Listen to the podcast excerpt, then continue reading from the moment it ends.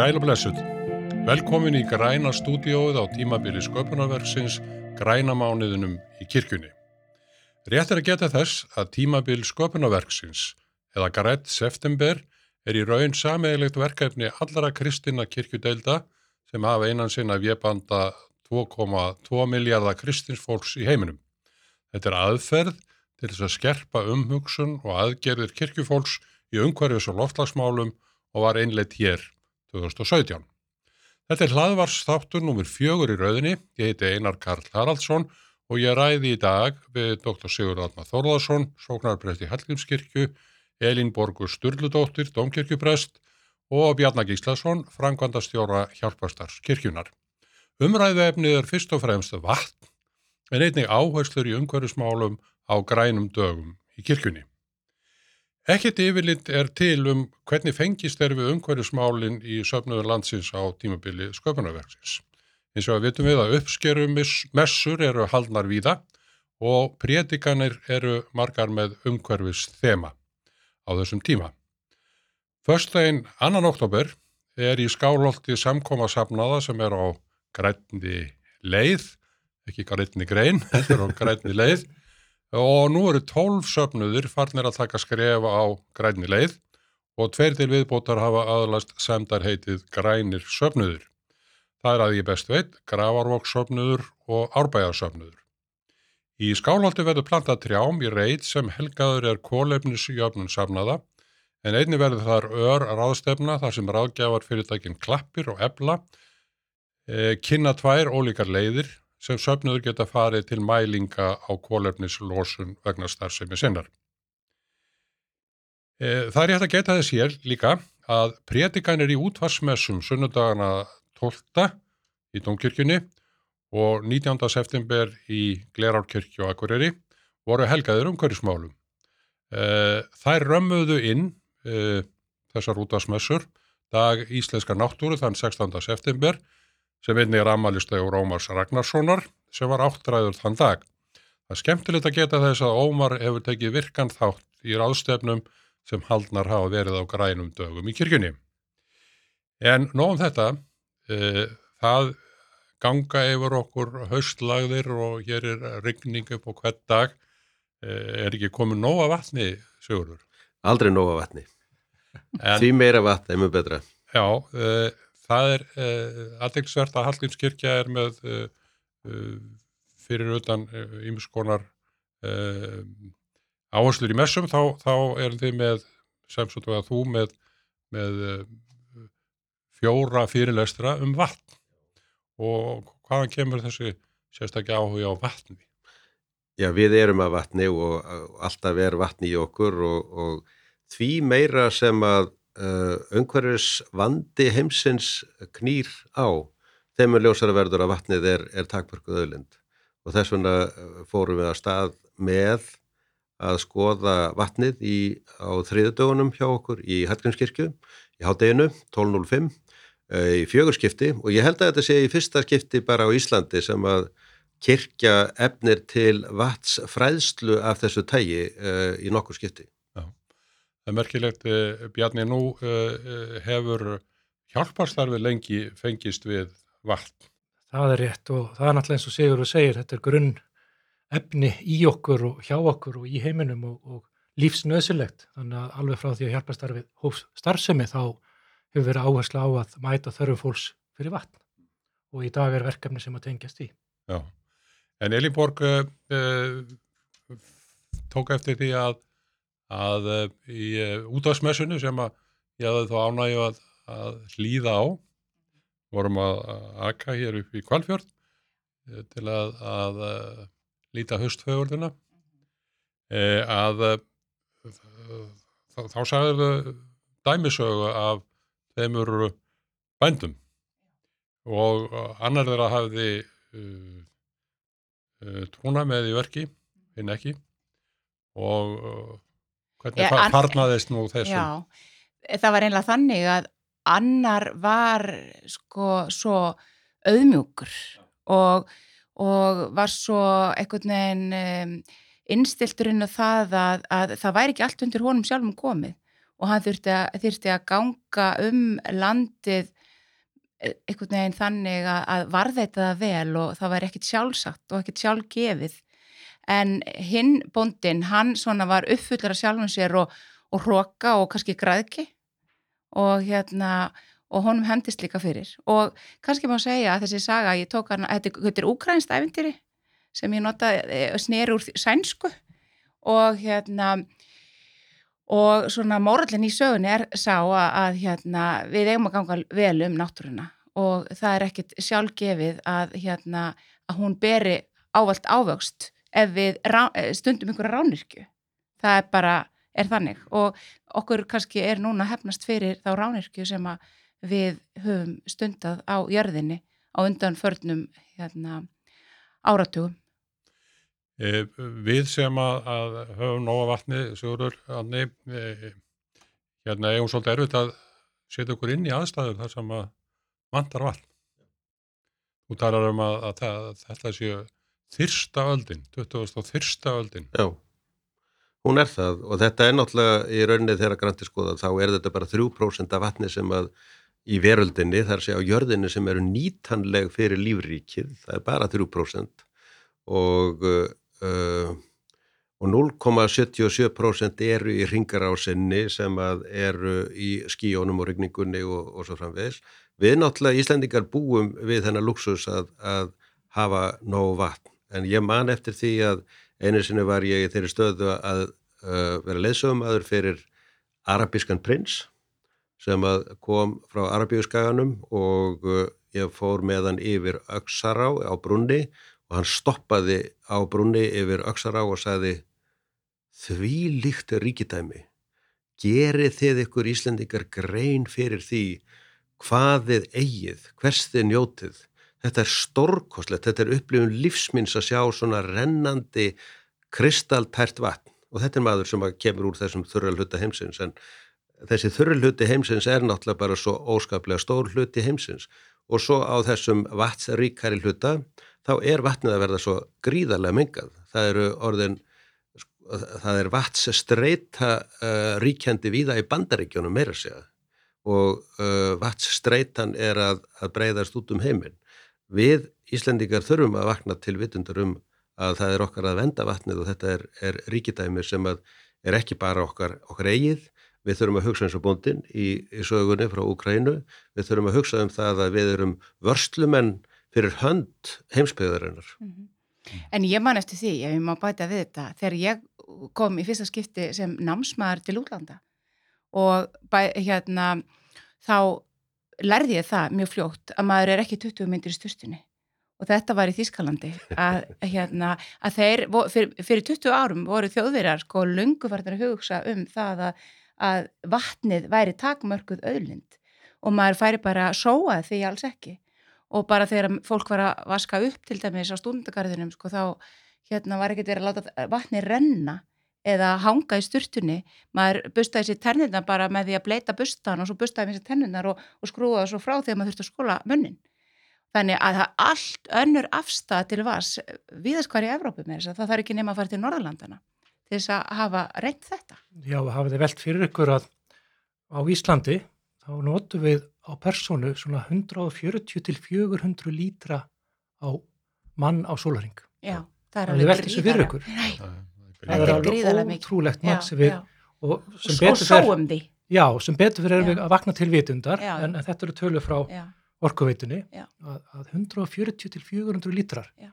og á verkefnarsvæðum hjálpastarsins þá er sko örfái lítrar já, per mann já, per solaring.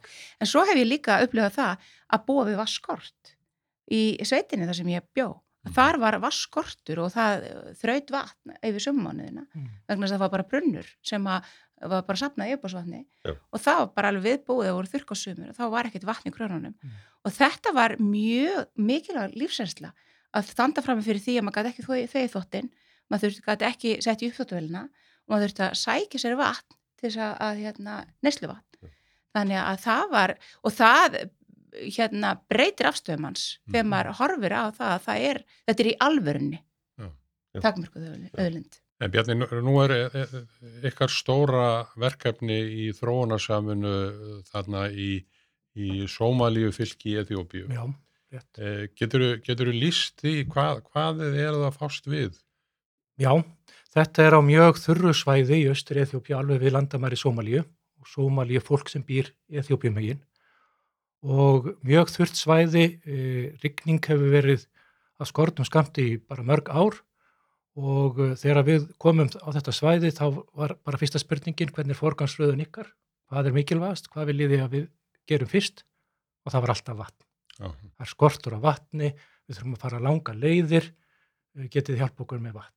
Og í samfunnu við staðar yfirvöld þá er verið að vinna því að þar sem er hægt að grafa eftir vatni, að gera handgrafna brunna og síðan e, þar sem það er ekki hægt eða það er salt vatn undir yfirborðinu, þar er svona vassþrær, það er kallað byrkur sem er eins og stóra sundlegar sem að sapna rigningavatni þegar regnir og þannig að þá dögur það langt inn í. Aðstæðunar eru þannig að það tekur þrjá til sex tíma að sækja vatn. Ein manneska getur kannski borið 20 lítra, ef það eru fjórar eða tíu í fjölskyldinu, þá þarf að bera þeimun meira af vatni og langar leiðir að fara. Þannig að þegar að verkefni byrjar og vatni er nær, þá breytir það mjög miklu fyrir fólkið. Og samfara þessu náttúrulega eru umhverfistættir og margir aðri þættir inn í verkefni. Þetta er í meðal sjálfsvörtabænda á þessu svæði í austur Eþjópu sem að þetta verkefni er. og hvað, er, hvað snert er þetta af mikið fjölda fólki? Sko við höfum nátt til 20.000, þetta er búið að vera meir en 10 ár. Já. Eh, Núna erum við með verkefni sem nær til um, um 3.000 fjölskyldna. Ef maður segja að séu 10 hverju fjölskyldu þá Já. sjáum við hvað það eru margir. Og það er líka eitt í þessu sem að skiptir svo miklu máli að það er það að vatssókn er yfirleitt kvennamál í veröldinni Já, og um leið og er farið að, að huga að, að bæta vatsaðgengið með brunnum þá er uh, kannski fyrsta sinn möguleiki á mentun þessara kvenna Algjörlega rétt. og þegar að konurnar sko þurfa að, uh, að sækja vatnið alla daga í fjóra eða sex tíma þá er ekki mikil tími a- aflögu til náms. Nákvæmlega rétt. Þannig að þetta skiptir mjög miklu máli með, með sko kynja, kynjahallan og, og, og valdeflingu kvenna og, og mentun þeirra. Algjörlega rétt. Og við segjum oft vatn er ekki bara vatn, vatn er mentun fyrir stúlkur. Mhm. Það er bara þannig. Já.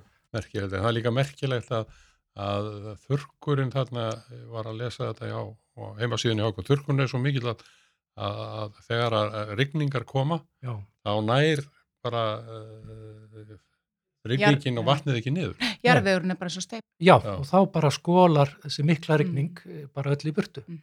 Og, og þannig er það bara því miður vegna hlínuna jarðar að þá annarkvort rignir ekkert Já. Eða allt og lítið eða það rignir allt og mikið. Já. Þannig að það vantar þetta jafnbægi þar sem að rigningin kemur og Miklu flegar og það er svo miklu öfgar Já. í veðrinu og úrkomunni Mhm. og það eh, eðilegur umhverfið og þess vegna er líka inn í verkefninu okkar umhverfið sættir plöntun á trjám, stíplugerð og alls konar annað til þess að vernda uh, umhverfið og jarðvegin. En, en þetta, það er náttúrulega að horfa á þetta með ymsum hætti, vatn getur líka verið eins og þeirra rámikið að því, það er ekki hættulegt, en, en ég tók eftir því að, að uh, Jón Áskir Sigurvöngsson, doktor, flutti prétikun í Hallgrimskirkju, uh, þar sem að sagði að meðal annars að ef fyrirbæri væru flokkuð, þá fjalli vatnið í flokkin hið góða í tilörunni. Uh, og hann nefndi það sko Guðskapaði lífreiki til þess að það.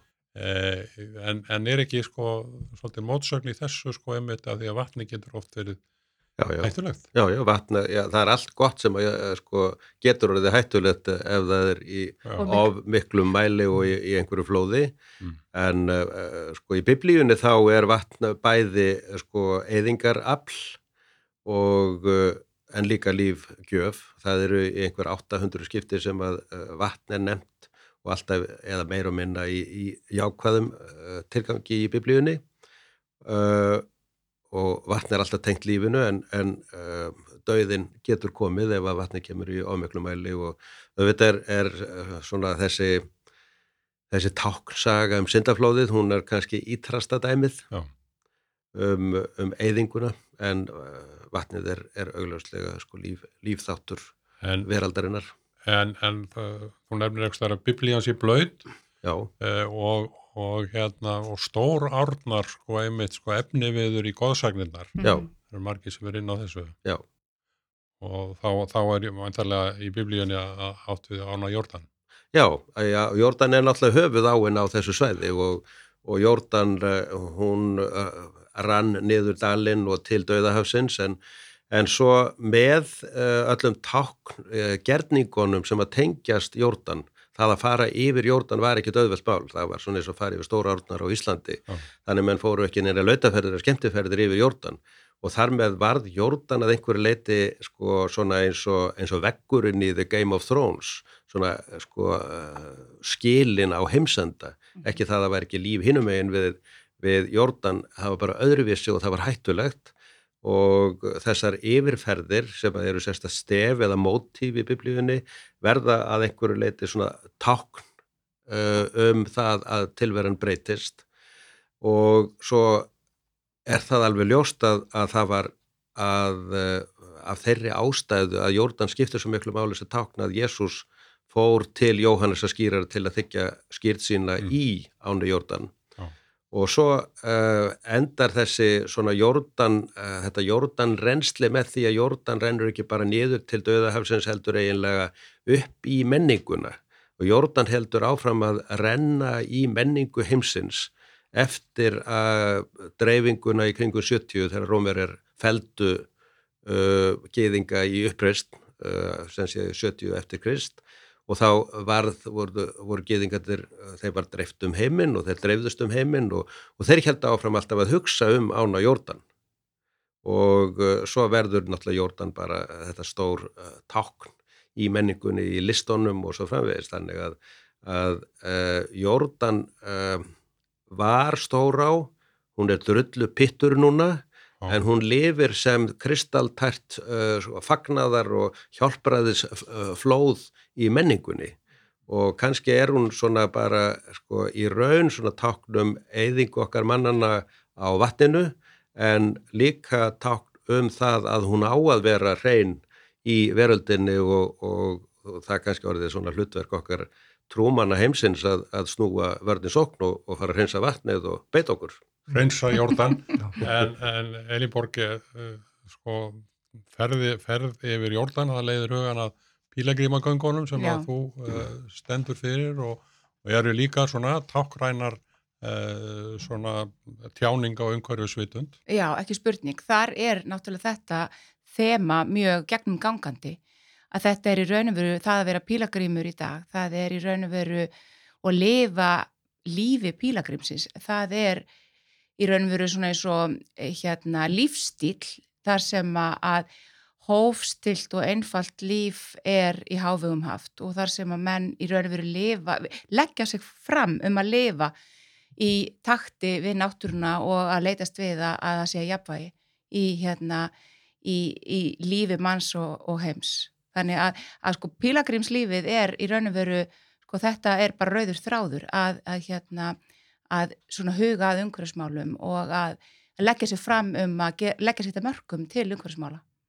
uh, pílagrímagöngur eru ma maður verður var við það að það eru pílagrímagöngum í ýmsum myndum hér eh, Já. í Skálholt, í, Mm í að, heimað hólum uh, uh, og, og kannski milli kirkna hér í Reykjavík Já, En, en þessar fjallgöngur sem að núna eru í, í tísku, er það ekki nokkur með, eða með nokkur hætti, svona bílagríma göngu nútímans svona á, á, á vitt náttúrunar og, Jú, að einhverju leiti held ég. Já. Ég held að, sko, það hvað það er vinsælt að fara á fjöll og vera í útivist. Það er raun og veru byrtir það að maðurinn hann einhvern veginn er hluti af náttúrunni og, hann, og við finnum það öll hvað er útivist og það að vera út í náttúrunni gerir okkur gott. Útivist og hreyfing og, og hún er svo endurnærandi fyrir þetta líf mannsins í dag sem er svo fullt að streitu Mm. og, og þetta er í raun og veru algjör byrtingamynda á því hvað við þurfum á náttúruna að halda og við þurfum að sækja okkur og við þörnumst þess að endur nærast í náttúrunni. Þannig ég held að þetta sé alveg rétt að það, þetta er svona, já, þetta er svona byrtir að mista kosti þetta. En ég held líka að, að, að Íslandingar hafa verið mjög sko, opnir fyrir því að upplifa Guð í náttúrunni mjög lengi. Ég, uh, mér, ég fann það mjög þegar að, uh, bara í bensku, að foreldrar mínir, þeir tengdu Guðstrú við náttúruna Akkurat. og bændamenningin, uh, uh, sko, hún er... Uh, hún upplýði ekki andstæðu millir torkirkjunar eða, eða, eða sko, kirkjunar í sveitinni og, og, og, og útíverunar og svo á setni árum þá heyrir maður svo ofta að fólk segir eh, prestum en ég fór nú bara í, í Guðskirkjuna eða út í náttúruna til þess að, að hitta Guði í dag, það er að segja fór, fór eitthvað tverralag. Ég held að mörguleiti að, að, að uh, Guðs trú Íslendinga sé ekki bara spurningum uh, aðra trúarjátninguna heldur líka sé sko andleg upplifun Íslendinga sé uh, sko náttúru tengt trúarlífið er uh, eðlilega tengt náttúrunni En má ég aðeins tengja við þetta, tengja aftur við vatnið og í þann tíma sem fyrir að sækja vatn. Já. Hvað gerist þegar móðir sem á nota sex tíma á dag til að sækja vatn getur bara sótt, vatnið í brunnin á tíu myndum eða fimm minútum. Það gerist mjög margt. Hún hefur tíma. Já. og hvað gerist þegar móðir og kona hefur meiri tíma? Hún sýnir umhyggju, hún fer að sinna öðrum þáttum lífsins sem að þurfa umhyggju og kærleika Mm og, og uh, stuðning Mhm. eins og að stuðja börnin sín. -hmm. Og það er það sem við sjáum í verkefni. Einmitt að þegar er tími aflögu, þegar ég er ekki að nota tíman bara til að komast af, Mhm. þá er það konundar sem að lifta grettistaki í samfélaginu. Þá er það konundar sem hafa tíma til að fara á námskeið í verkefninu, heyra um smárekstur og hvernig er þetta að, að kaupa eina eða tvær geitur og, og, og láta þær fjölga sér og selja eða rækta laug sem þeir hafa aldrei rækta áður. Og þannig eflast þær að því að þær hafa tíma, þá geta þær tekið þátt í verkefnu sem svo aftur eflir þær sem að þær geta fengið tekjur sem að þær ráða yfir og þannig fer jákvæð virkni í gang að því að þær hafa tíma vegna þess að vatnið er nálagt. Þetta breytir mjög miklu. Vatnið er eins og hefur komið fram hérna mjög nálagt okkur í, í, og við erum rík af vatni. En, en hvernig geta, eh, getum við þessir vassríku Íslendingar lagt uh, hjálparstarfinu lið? Eða koma, koma og, og finna vatn og, og leiða vatn Og- það sem á að vera. Góð spurning og, og stundum fáum við bara svona í fljótferðni, heyrðu ef ekki bara senda skip með vatni til Afriku og það eru auðvitað alveg jákað hugsun en auðvitað gerum við það ekki og það er ekki umhverfisvænt. Nei. En það eru marga leiðir og fyrst og fremst er leiðin svo að ræða við fólkið á hverjum stað stundum vita er, það var hérna brunnur hérna einhvern tímann eða það er vatn hér undir, við viljum fá brunn hérna og, og síðan eru fræðingar, vassfræðingar og náttúrufræðingar í verkefnunum eins og í Eþjópi þar eru mjög vel menta fólk hjá lútarska heimsambandinu í Addis Abeba í höfuborginni og þeir rannsaka svæðin og þeir fara og, og, og, finna út úr hvað er mögulegt. Öll verkefni eru í samstarfi við staðar yfirvöld þannig að þau hafa líka landbúnaðar og vassskrifstofur þannig að við vinnum saman og svo sjáum við hvað er mögulegt Mm. og hvað er vatn fáanlegt. Og stundum er þetta að gera mikið strax og stundum þarf að rannsaka betur og finna út úr hlutunum. En það er verið að vinna að því að vinna út frá hverju svæði fyrir sig hvað er hægt að gera og þegar er að bóra eftir vatni eða grafa eftir vatni þá er það gert, stundum vantar fjármagn. Núna erum við að byrja á, næsta ári með nýtt verkefni til fjögur ára. Inn í því er að bóra einu hólu, mjög dýrt. En það getur þá verið með leiðslum til kannski bara heilstorps eða stórsvæðis mjög spennandi en, en mjög dýr bara ein borhóla Hvað grafið þið djúft eða hvað verður það, djúft? það eru kannski 200 metra Já. uh, djúpt sem á að bora og, og það er sem sagt utarrikisránliti sem að stiður þetta verkefni mjög vel og, og þeir hafa samþygt eh, verkefni til fjögur ára og þar inni er, er ein djúp borhóla sem við höfum ekki gert áður á þessu svæði þannig að það er mjög spennandi með, með það. Ég veit að það var hægt að kaupa hjá þér brunn Já, en, en, en núna getur maður sem sagt keift hjá þér hólu. já það, það er, fer að líða að því sko og, og við erum með gjöf sem gefur .is þar sem eru hægt að kaupa geit fyrir 3200 krónur eða hænu fyrir 25 hænur eða brunn og þá kannski er það játnpumpan efst með einhverju rörum sem kostar kannski 180.000 en fólkið sjálft það gerir mjög mikið, það grefur það útvegar allt sem þarf útvega sem það getur útvega, síðan komum við með steipu og rör og pumpur, stundu kostar það 400.000, það bara eftir aðstæðum. Ég hef komið að svona uh, dælu í Eþjópju og það var mjög, mjög merkilegt að Akkúrat. heyra, heyra afstöðu fólksins hvað Já. þetta breytti fullkomlega. Akkurat. Og, og þetta er unni í samstarfi eða í samvinnu við markmið samvinnu þjóna, sjálfbærnis markmið samvinnu þjóna og það er eitt markmið um að, að tryggja fólki vatn. Þannig að þetta er samvinna og þróun á forsöndu fólksins og það ber ábyrð frá fyrsta degi. Og en nú hafa menn gert úttektir á þessum verkefnum. Hefur það leitt í ljós svona efnaðslega framfærir á svæðunum í heild? Já, það hefur gert það. Auðvitað er þetta lítil verkefni í stóra samenginu. Eitt lítil drópi er ekki mikill í, í hafinu. En við vitum að þetta fólk og það rannsóknir hafa sínt það og, og verk, hérna, matsmenn hafa komið og þetta hefur veitt þessu fólki mikla framför. Það eru breyttar aðstæður til eins betra. Af því að vatni er fáanlegt, nálagt og það er ekki bara vatn, það er fræðsla um smitlegi sjúkdóma, Já. samfara þessu. Þannig að fólk veit líka um hvernig á að halda vatninu hreinu og sem er, ekki, sem er mjög mikilvægt að það er verið að byggja kamra og fjallum hreinlæti og hreinlætis að byggja hreinlætis aðstöðu samfara þessu og það er mjög mikilvægt en þess að fólk þarf að tengja þetta saman vatnið og hreinlæti og smittleiðir sjúkdóma tengt vatni. Skilningsljósin slokna þegar skrúaðu fyrir vatnið kemur einhver staðar fyrir í þínum fyrirlesturum Já, og uh, Sigurður uh, og þú fjallar hann um samvesku konuna og, og, og, og Jésús við Jakobsbrunn. já. Hvar, hver, hver, hver er eiginlega lærdómurinn af þessu? Sko það er mjög merkileg saga sem er sagð þarna í Jóhannesarguðspjallu um samvisku konuna og, og Jésu og, og í gegnum tíðina hefur þetta verið tólkað þannig að þetta væri alveg rosalega vond kona og, og væri eiginlega kemferðislegt óarga dýr.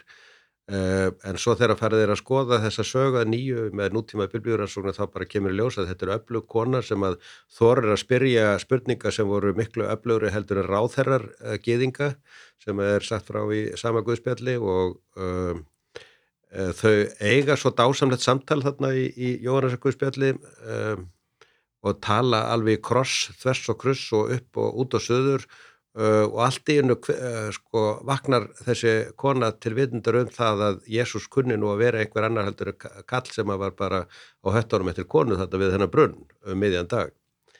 Og uh, þegar að farið er að skoða svona þessar sögur biblíunar með nýjum glerugum og sleppa öllum gamlu forsendunum þá opnast þær með nýjum hætti. Og það kemur í ljós þegar að þegar að sagan uh, er endur skoðuð að þetta er postuli samverja, postuli útlendinga, hún er kona uh, og nær raunverulega miklu lengra og dýpra uh, heldur en lærisveinatir sem að sko voru svolítið inni snjóaði bara í, í, í sjálfhverjum veruleika.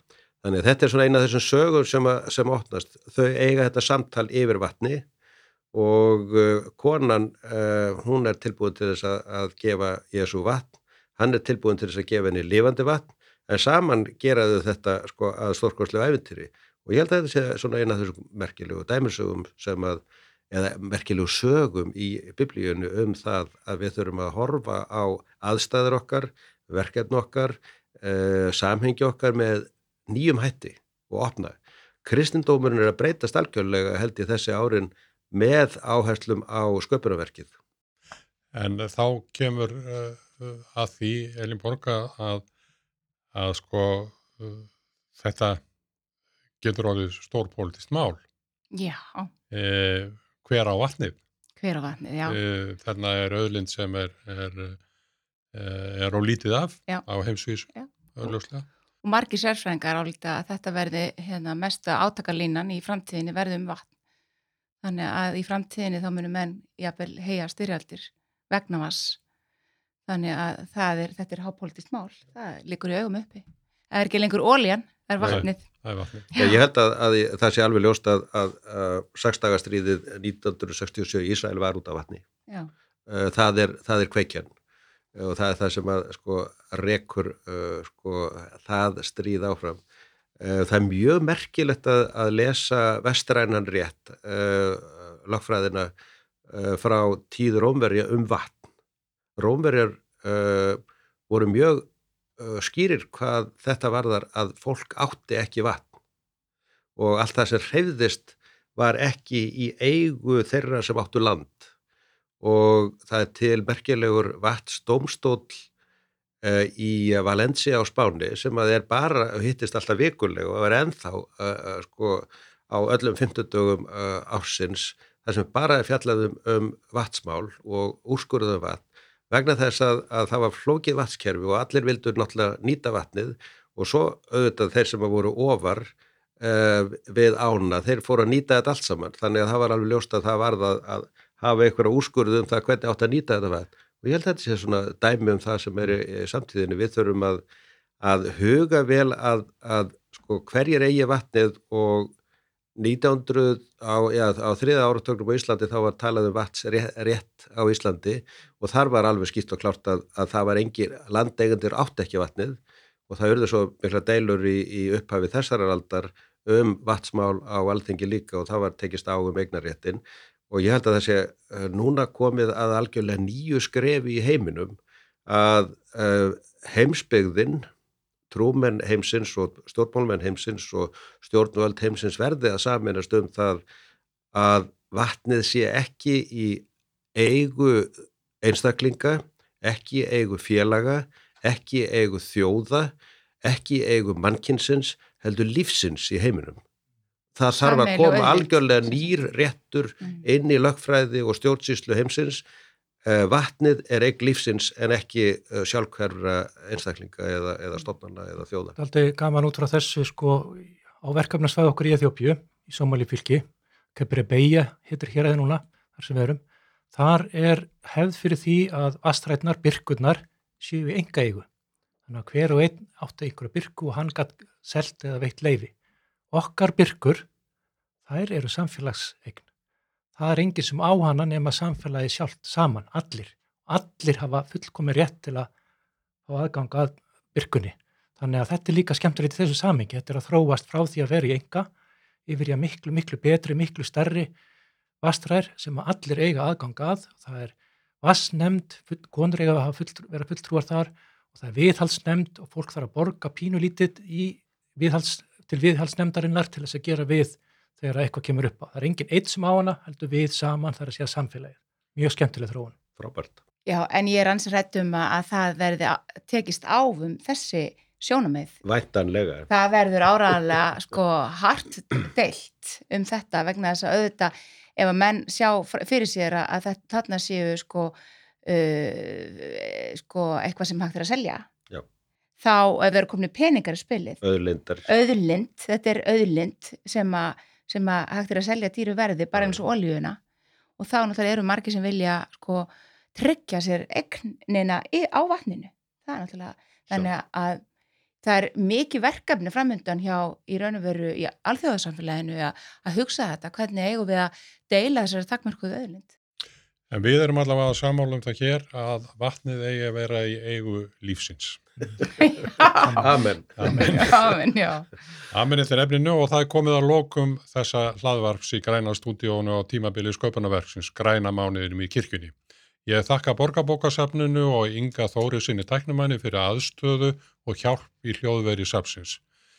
E, Einar Karl Haraldsson hafi umsjón við höndum en viðmælöndur voru sér að Sigurður Ráttni Þorðarsson í Hallgrímskirkju, sér að Eleinborg Sturldóttur í Dómkirkjunni og Bjarni Gíslason, framkvæmdastjóri hjálpastafs kirkjunar. Góðar og blessaðar stundir.